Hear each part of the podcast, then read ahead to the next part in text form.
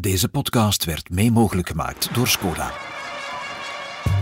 Welkom bij de Courses van ons, de wielerpodcast van het Nieuwsblad over het EK in Drenthe.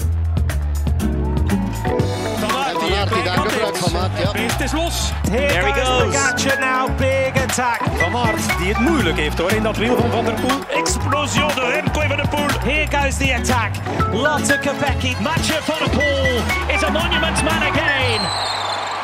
De fantastische Vuelta zit erop. De lofzang van Jumbo-Visma die is helemaal uitgezongen. En normaal gezien is het een geweldige periode in het wielrennen waarin we uitkijken naar de wereldkampioenschappen. Maar dit seizoen hebben we die uiteraard al gehad, remember, kort na de Tour de France in Glasgow.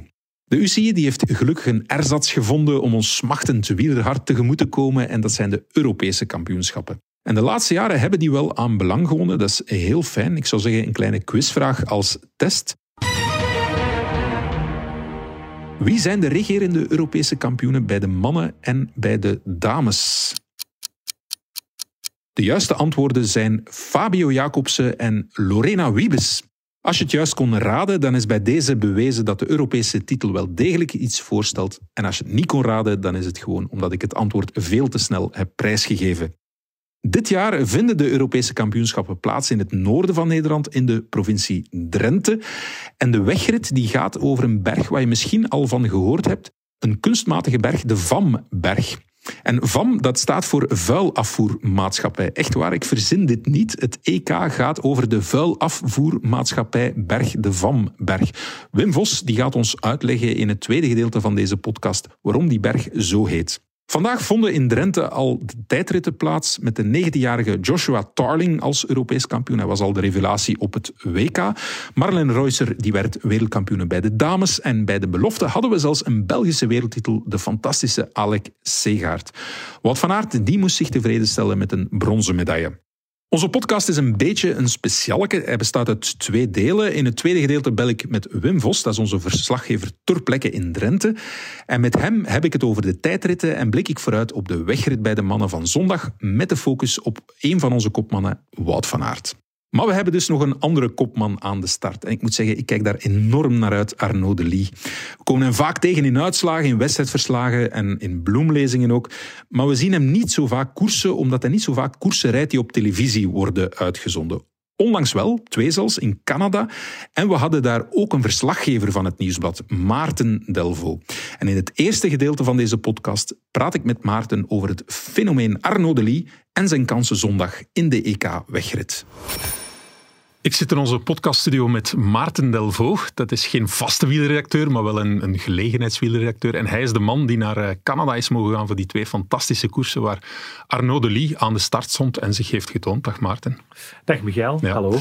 Ik zou zeggen, hoe is het met de jetlag? Maar het is zo lang geleden dat dat eh, al lang weg is. Hè? Die is ondertussen eh, verteerd. Eh, Ja. het heeft een paar dagen geduurd, maar die is weg, volledig weg. Die Canadese koers, heb jij het, het langste of het kortste strootje getrokken? Was dat fijn om te doen of, of hebben ze jou met lichte dwang naar daar moeten sturen? Nee, nee, dat was, dat is super fijn om te doen. Ik had die koersen nog niet gedaan, die stonden nog op het verlanglijstje. En je ziet die beelden op tv, je wilt dat dan toch eens een keertje echt meemaken. En ja, het was echt wel leuk, ook omdat die organisatie fantastisch is. Ja, ja, misschien wel het beste qua wielerwedstrijden dat ik ooit heb meegemaakt. Ja. Ehm, dus dat is super tof om te doen, ja. Ja, oké. Beter dan de Vuelta, hè. daar hebben we van alles eh, van gehoord.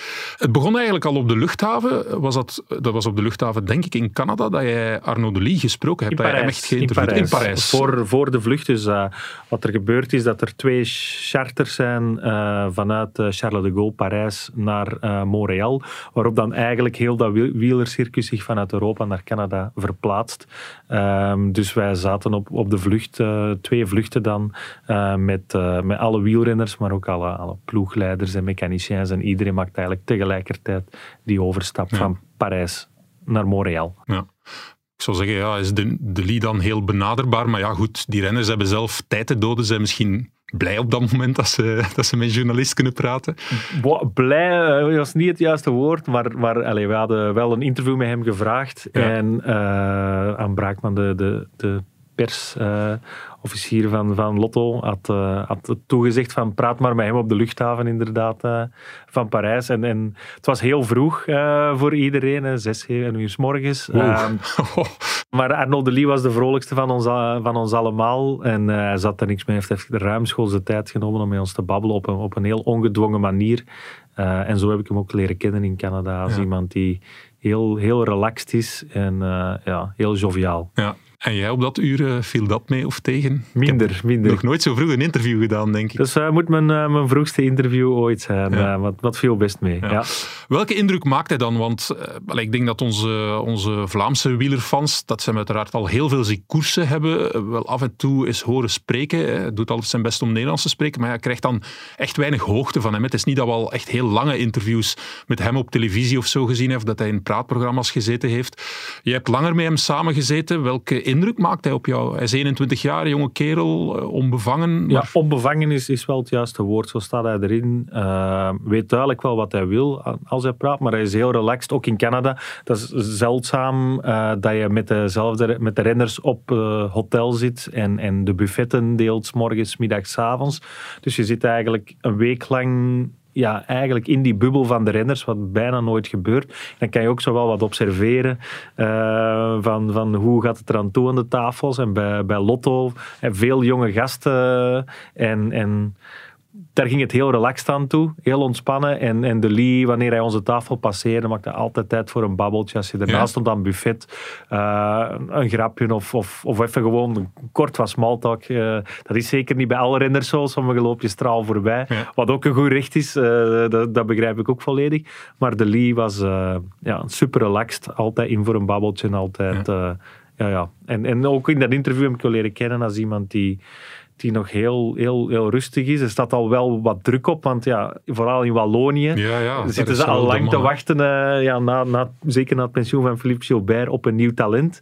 En die is er nu, dus in, in Wallonië krijgt hij superveel aandacht, nog veel minder dan bij ons. Dus er staat wel wat druk op, maar die, ja, dat, dat glijdt voorlopig ook wel van hem af. Merk je dat inderdaad, want er waren uiteraard Franstalige collega's mee, dat zij ja, toch iets meer uh, rond de Lee hangen. Je hebt dan nog Greg van Avermaat en nog andere figuren uh, om te volgen, maar dat, dat, dat hij daar toch uh, echt, echt gevolgd wordt. Ja, zij waren daar puur voor Arnaud de Lee. Ja? ja, ja, dat is ook wel zo. Ja, het zou hetzelfde zijn als Wout van Aert. Uh, Meerette zou de Vlaamse journalisten ook constant uh, ja. rond hem hangen. Ehm, dus dat, dat is zo bij Arnaud de Lee, maar hij, hij maakt zich niet druk. Heel, hij, is, hij, blijft heel rustig. Het opvallendste antwoord eigenlijk in dat interview dat ik dan met hem heb gedaan, het ging dan over zijn gewicht. Dat hij de opmerking, hij staat nog wat zwaar. En ik, ik, las ergens iets van 78 kilo, ging dat over ja, hem dat zelf? Ging daar, ja, hij weegt nu 78, zei hij zelf. En dat is eigenlijk nog niet het, het, perfecte gewicht, maar hij zegt er dan zelf over, ja, ik ben nog maar 21 jaar. Ik doe, ik, ik leef, hij zei niet, ik leef niet nog 100% van, uh, niet 100% van mijn sport. Hij zei wel van, ik sta nog niet op het scherpste dat ik zou kunnen staan, maar ik wil een lange carrière hebben. Ik mhm. wil niet binnen vijf jaar helemaal opgebrand zijn, uh, mentaal en fysiek. Dus ik doe alles stap per stap. En, en dus ik wil nu nog niet op mijn allerscherpst staan. Dus dat, er kan inderdaad nog iets af, maar dat hoeft nu nog niet. Want anders ben ik misschien binnen vijf jaar, is het voorbij met mij. En ik wil nog minstens, ja, x aantal jaar koersen, veel langer. Ik wil een lange carrière, dus alles gebeurt in overleg en met een, met een plan op de lange termijn. En als je dan ziet dat hij op, 21, op zijn 21ste al zo ver staat, dan, dan weet je dat er ook nog wel progressie maar ze is. En ook de volwassenheid waarmee hij dat zegt. Ook als er over druk en zo gesproken wordt, zegt van... Uh, wil mij ook nog vooral amuseren. Uh, ja, en dat doet hij ook en dat liet hij ook zien in die koers.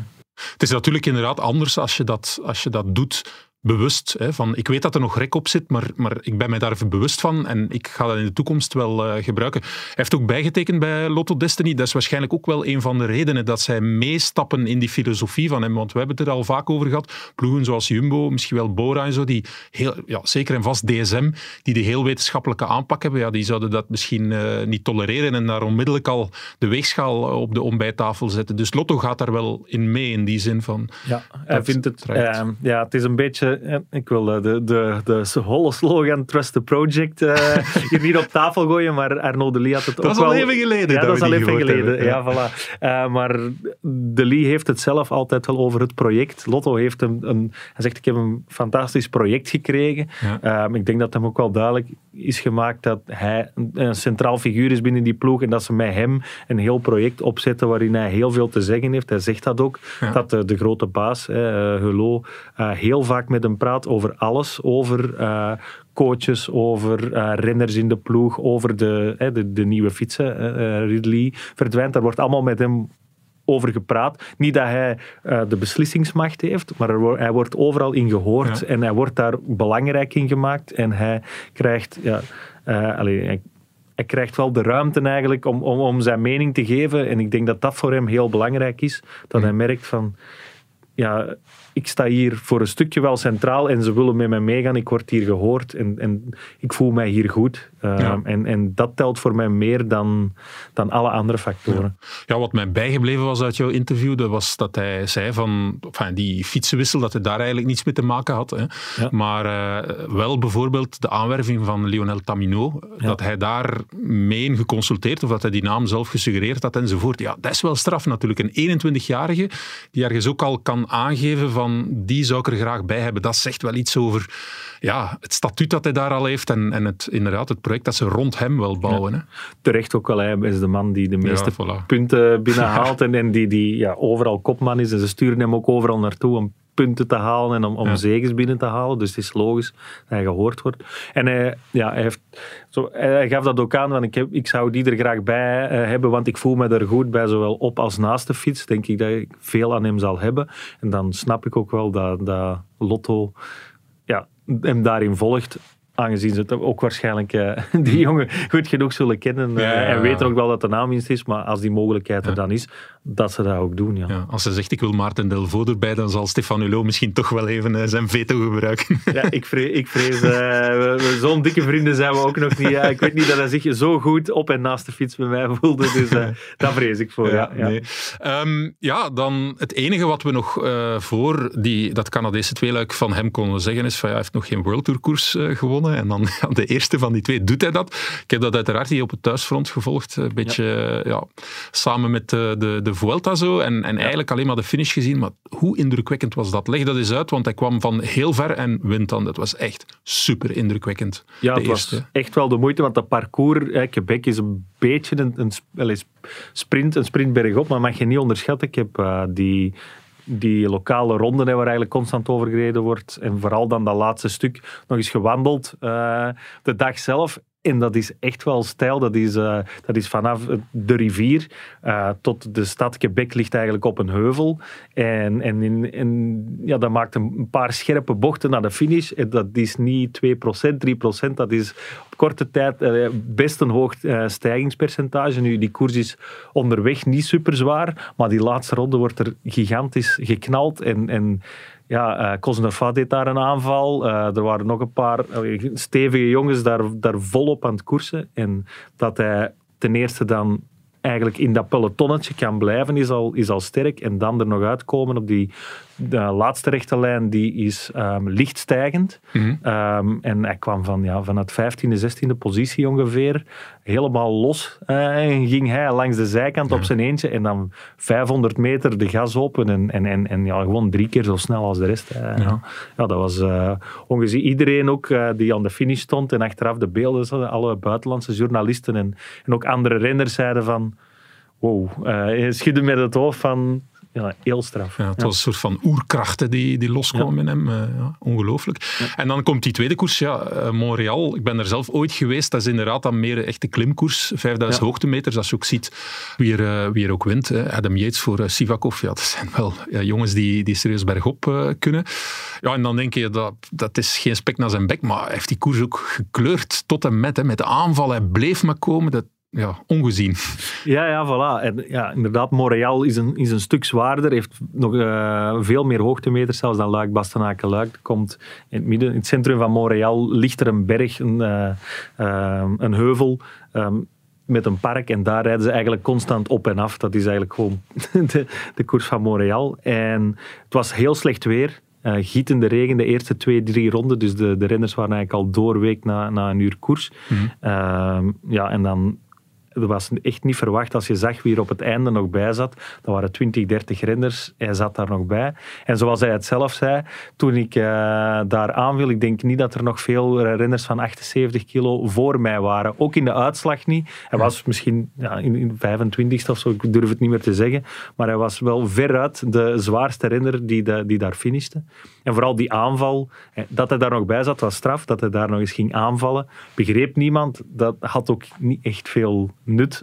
Ja. Want het was wel duidelijk dat hij dat nooit zou kunnen volgen. En dan waarom hij dat dan deed, vroegen we dan. En dat, ja, pour m'amuser, just pour m'amuser. uh, en hij zei van, ja, pak ik daar 20 seconden, dan maak ik misschien iedereen nerveus en, en dan weet je nooit. Uh, maar uh, ik was hier vooral met amuseren, om mij te amuseren. Ik heb dat gedaan ja, en, en dat typeert hem ook wel. Gewoon nog eens even de benen testen en uh, zich amuseren. En, en, en waarom nog eens niet, niet een, een bommetje gooien. En, en dat was puur voor plezier, voor de luid. En dat, ja, dat vond hij fantastisch. En dat vonden wij ook. Ook al was het tactisch gezien was dat, ja, sloeg dat nergens op, want je wist, ja, binnen een paar kilometer wordt je overvleugeld, wat ook gebeurde, maar het was gewoon grappig om te zien en, en zo'n jonge gast moet dat nog kunnen, uh, vind ik. Ja. ja. inderdaad.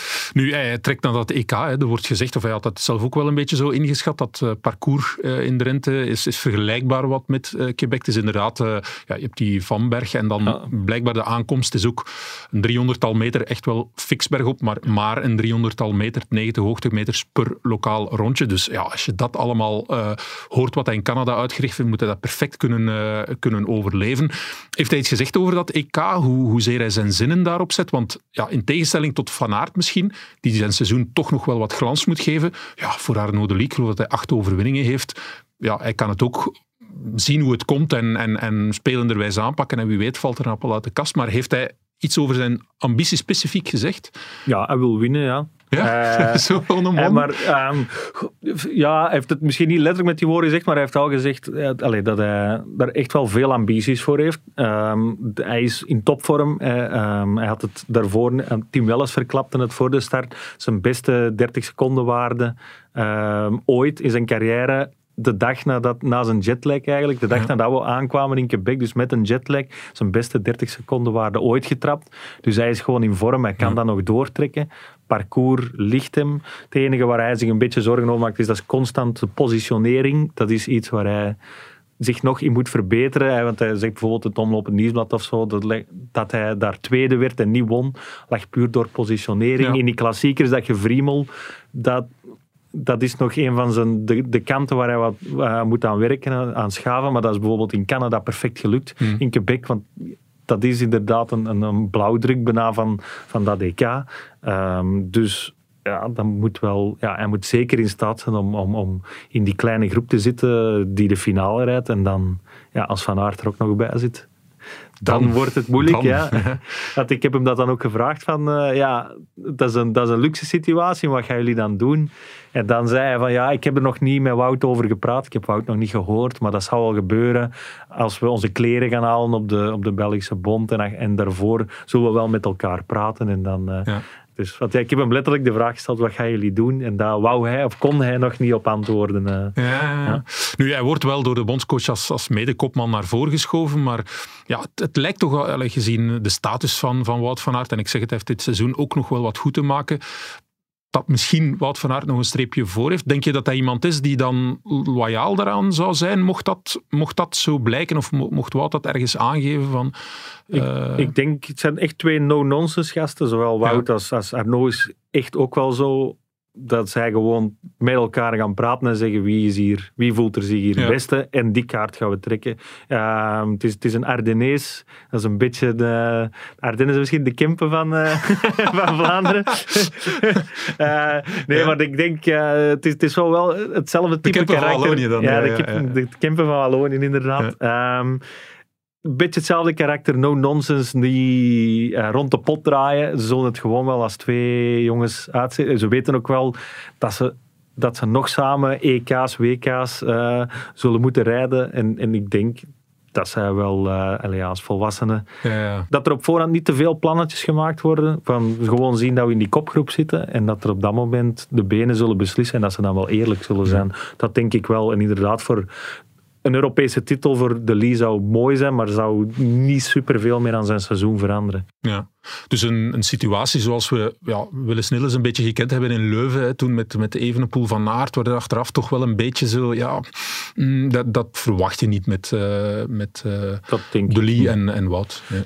Dat denk ik niet. Ja. De, de, de Lee is ook wel... Allez, lijkt me een vrij makkelijke jongen om mee om te gaan, maar wel iemand die goed weet wat hij wil. Dus het is ook niet dat hij zich zomaar uh, ten dienste van uh, zal opstellen, denk ik. Maar als er, ja, als er gepraat wordt onder mannen, dan denk ik wel dat die twee uh, met een oplossing zullen komen en, en, dat dat geen tweestrijd zal zijn. Ja. Nee. Als een echte Kempenaar, ik onthoud zijn, uh, onze Waalse Kempenaar. Ja.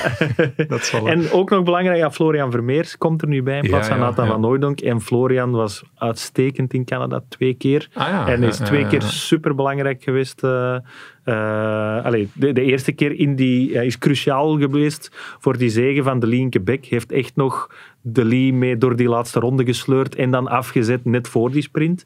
Uh, ze komen ook supergoed overeen, dat merk je, uh, Vermeers en de Lee.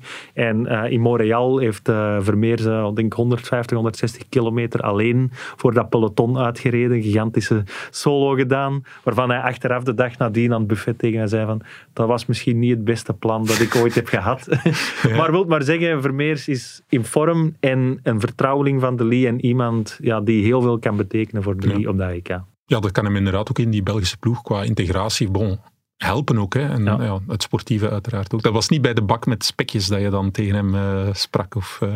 Nee, dat was uh, pasta. Hij, hij, hij, nam pasta, ik iets minder gezonde ja, de, bak, ervan, de, de, bak met spekjes stond ernaast. Ja, voilà. Die was dan voor mij. Goed, Maarten, zeer bedankt. En ja, tot een volgende. Met veel plezier. Dankjewel. Je gezin is net als een wielerploeg. We moedigen elkaar aan. En we weten dat we met de tips van onze ploegleider we alle kansen hebben om echte kampioenen te worden. Skoda, supporter van de grootste fietsfamilie. Voilà, rechtstreeks een verbinding met Wim Vos in Drenthe. Drenthe zeg ik, dat is de provincie hè, waar het EK plaatsvindt, uh, Wim. Waar zit jij precies in Drenthe ergens? Um, goh, ietsje ten zuiden of ten oosten, dacht ik, van Emmen, waar daar straks de tijdrit is aangekomen. Ja. In ja, een zeer uh, landelijk golfresort.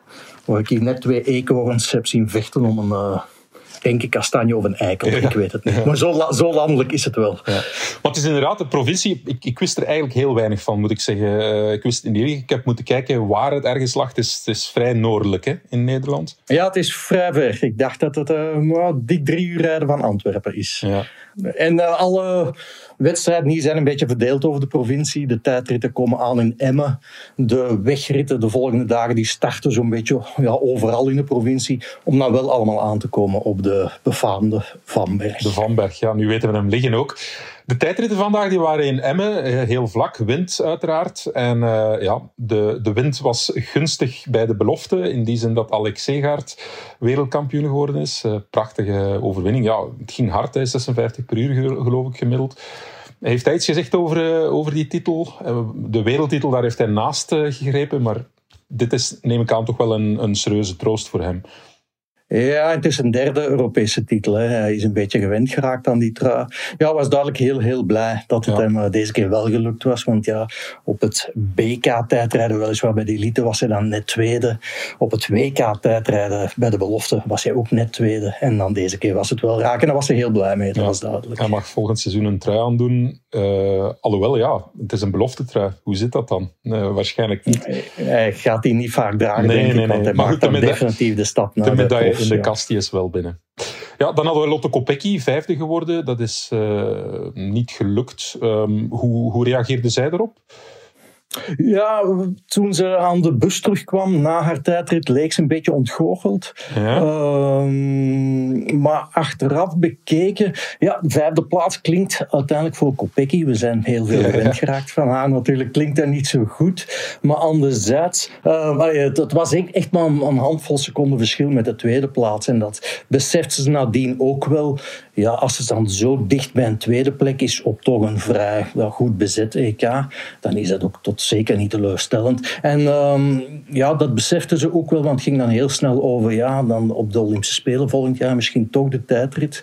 En had je haar dat vooraf gevraagd bij een vijfde plek, ik denk dat er enthousiasme voor die Spelen al heel wat minder zou geweest zijn. Maar nu als ze dan ja, het kleine verschil met die tweede plek zei, uh, zag, dan ja, zei ze daar toch niet nee tegen. Dus het is nog altijd een optie. Ja, het is vooral in functie daarvan leermoment ook. En, en ja, ze, kan, ze kan progressie maken. Hè. Stel je voor dat inderdaad een Olympische medaille er zou in zitten. Ja, en ik denk dat ze zo ook naar kijkt. Um, we vroegen daar letterlijk van, ja, ga je nu volgend jaar die Spelen doen of niet?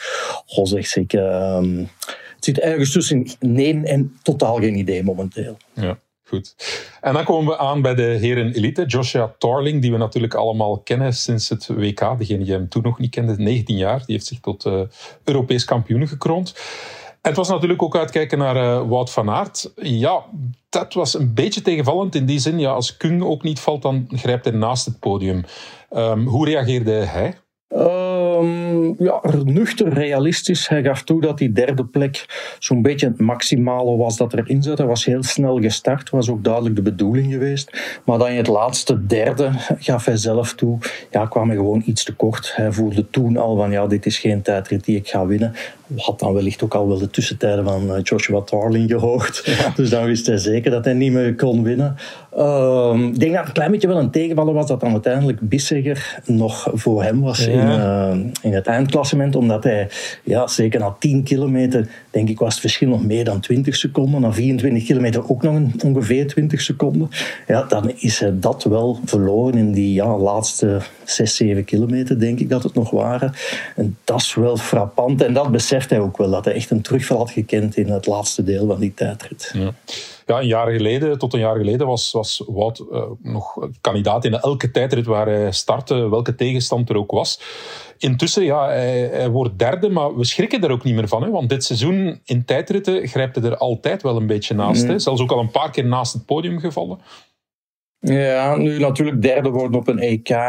God, je kan ermee thuiskomen, hè, Michael. Dat is helemaal geen schande. Maar eh, dat ziet hij zelf ook wel. Hè. Als je kijkt naar zijn uitslagen, vooral in 2022 tot de zomer van 2022, dan zet hij een reeks van tijdritten neer. Hij is altijd eerste of tweede.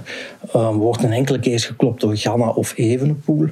Maar als je dan kijkt na die zomer van 2022, dan is het toch meer dan een jaar, zijn er echt wel veel renners die al sneller dan hem zijn geweest in een tijdrit. Um, en dan denk je, ja, in de Tour Pogacar, Vingegaard, dat zijn nog zeer specifieke omstandigheden. Ganna en Evenepoel, dat waren altijd al kwaaie klanten voor hem. Maar ja, nu komt ook een Bissegger bij. Kung is al eens een paar keer sneller geweest dan hem. Uh, in de Ronde van Zwitserland zijn er ook namen zoals Ayuso, um, Schielmoze. Ja, ik denk toch niet dat dat, dat heel, heel lekker zit. Ja. En dan zeker als je dan ook nog iemand zoals Starling bijkomt. Hè? Iemand van Ocharme 19. En uh, ja, die rijdt ook hier weer iedereen helemaal naar huis. Dat beseft Van Aert ook wel dat het in de toekomst niet makkelijker voor hem gaat worden om nog tijdritten van dit niveau te winnen, denk ik. Hmm.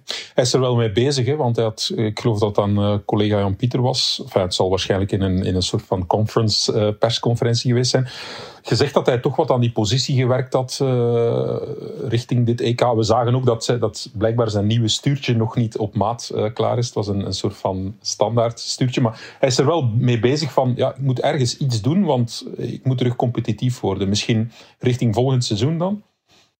Ja, hij is niet, lang niet versleten. En wat we daar straks ook zeggen, als je derde wordt op een EK, dat is totaal is geen schande. Dus daar is nog wel wat marge op. Alleen ja, de concurrentie wordt sterker, wordt jonger, wordt talrijker. Ja, makkelijker wordt het niet. En ik denk dat hij dat zelf ook wel beseft. Hoor. Ik vroeg het hem na die uh, vanavond dan na zijn derde plek. En hij zei van ja, de redenen zullen verschillende redenen zijn, maar dan noemde hij ook meteen de naam van uh, Joshua Tarling, 19. Tja, dan wordt het niet makkelijker voor mij de komende jaren. Dat gaf hij wel toe. Ja. Hij heeft zich niet weggestoken in elk geval achter de moeilijke dagen die hij gehad heeft. Hij is uh, eventjes ziek geweest, maar vooral dan ja, zijn echt zijn boezemvriend en ook gewoon sportief. Iemand die heel belangrijk voor hem is. Uh, met Nathan van Hooijdonk. vandaag is ook het nieuws gevallen dat hij zijn carrière er eigenlijk op zit. Hè, defibrillator ingeplant. Het goede nieuws is uiteraard dat hij er als mens nog is. Maar ja, ik kan me voorstellen dat iemand als Wout van Aert daar de voorbije dagen enorm mee bezig geweest is. Want ze zijn echt heel close. Ja, inderdaad. En wat je helemaal in het begin van je vraag zegt, hij stak zich dat totaal niet achter de weg. Hij zei, ik vind dat altijd lullig als mensen excuses zoeken omdat ze een tijdrit niet winnen of überhaupt een wedstrijd niet winnen. Uh, maar je zag inderdaad wel um, ja, dat dat hem heel hard, heel erg had aangegrepen. Het was ook een interview met een journalist van de NOS, die ja, in het begin heel obligaat derde plaats en hoe komt dat, dit en dat. En dan begon hij over Van Hooijdonk. En uh, ik heb het eigenlijk zelden meegemaakt bij Van Aert, die... Uh, je zag echt zijn lip trillen, kreeg het heel moeilijk, schotvol, zoals wij dat zeggen. En hij moest even, even naar zijn woorden zoeken, echt. Hij zei dat ook van, ja, ik heb het er heel moeilijk mee. En nadien kwamen nog andere journalisten op dat onderwerp terug. En ja, je zag elke keer dat het heel veel moeite kostte om daar ja, rustig over te kunnen praten zelfs. Ja. Oké, goed. Uh, natuurlijk, uh, zondag komt de wegrit eraan, dus uh, het sportieve zal toch wel weer de bovenhand moeten nemen de komende dagen. We hebben het met Maarten Delvaux, collega Maarten Delvaux, uitgebreid over die andere kopman in de Belgische ploeg gehad, Arnaud Delis. Um, dus ja, met jou vooral dan over, over Wout van Aert. Hoe schat je zijn kansen in en hoe, hoe zit het met de verdeling tussen die twee? Um, ja, het laatste dat zou we eigenlijk aan de bondscoach moeten vragen. Nu is Sven van nou kennende gaat, uh, zal de uitgesproken kopman toch Wout van Aert zijn, denk ik. Uh, van Toerenhout, um, hoe zeg je dat, geeft nogal veel krediet aan zijn klassieke kopmannen. Is ook geen enkele reden waarom Van Aert geen, niet het puur kopmanschap zou toebedelen.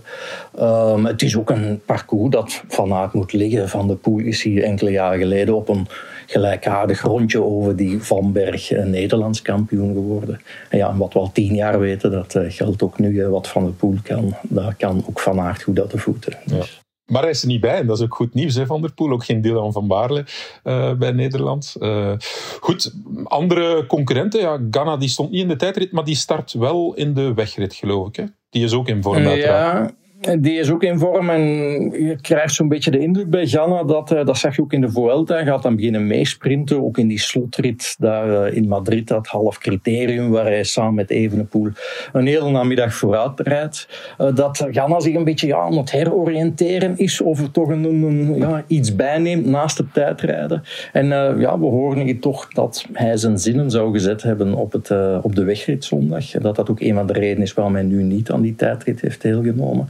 Dus ja, die, zijn naam mag je zeker opschrijven. Mhm. En dan denk ik ook een uh, best wel sterke Franse ploeg. Ja. Uh, ik heb ze zo overlopen. Sénéchal, Cosnefroid, Laporte ja, dan heb je toch wel wat, wat troeven die je kan uitspelen. Maar ja, algemeen genomen um, zijn het opnieuw de Belgen hè, die collectief het sterkst voor de dag komen met de Lee, um, ja, Van Aert, dan nog iemand als Stuiven erbij en dergelijke, Lampaard. Uh, ja, de Belgen zullen toch weer het gewicht van de wedstrijd moeten dragen, denk ik. Ja, ja. En dan bij de Denemarken uiteraard uh, met. Denemarken, ja, dat is ook iemand om naar uit te kijken. Hè. Ja, ja. ja, die had ik nog niet genoemd. Ja.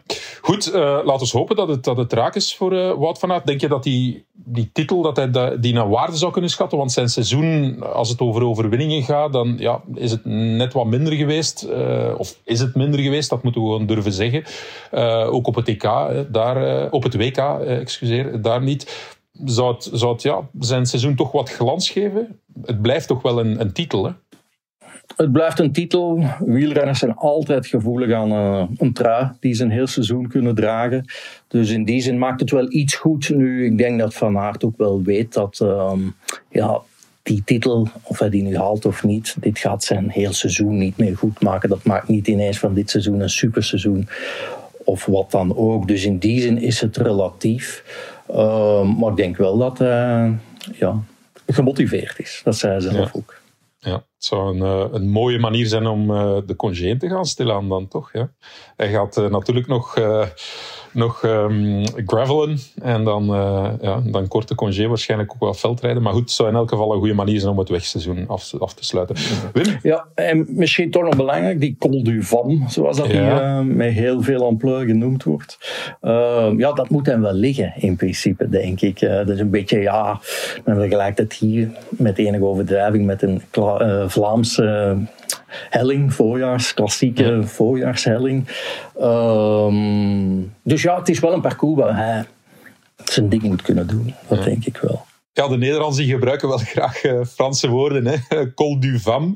Uh, ja, is, het, is hij zo, uh, is hij zo uh, roemrucht als hij klinkt? Uh, want het is een kunstmatige berg. Wat, wat is het eigenlijk? Ja? Het is eigenlijk een stort, Michael. Het is een, een vuilnisbelt. Ja, het ja. is echt een, een het is of was een vuilnisbelt. Okay.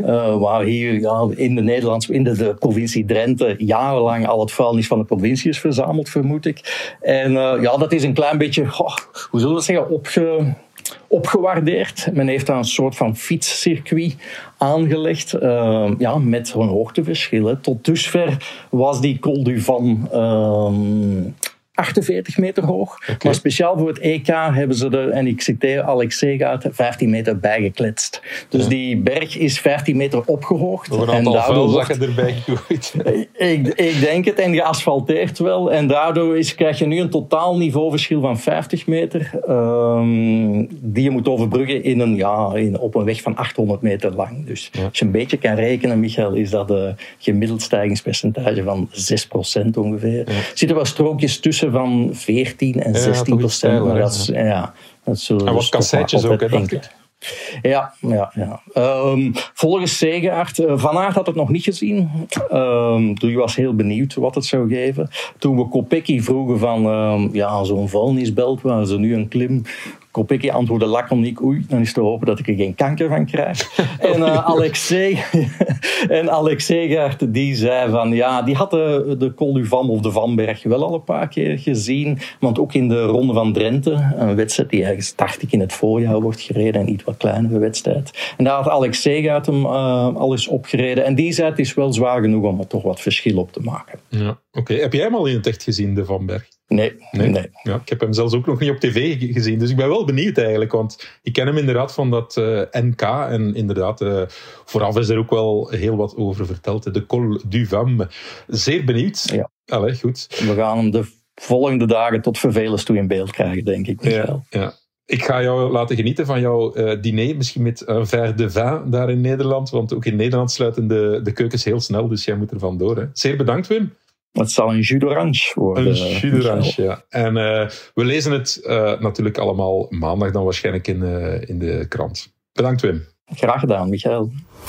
Dit was de Koersis van ons. Bedankt om te luisteren. We zijn er volgende week woensdag opnieuw. Tot dan. Tot de Koersis van ons. Het is los. Here he goes. Pogacar now, big van Aert die het moeilijk heeft hoor in dat wiel van Van der Poel. Explosie door Remco Van der Poel. Here goes the attack. Lotte Kopecky. Mathieu Van de Poel is a monument man again.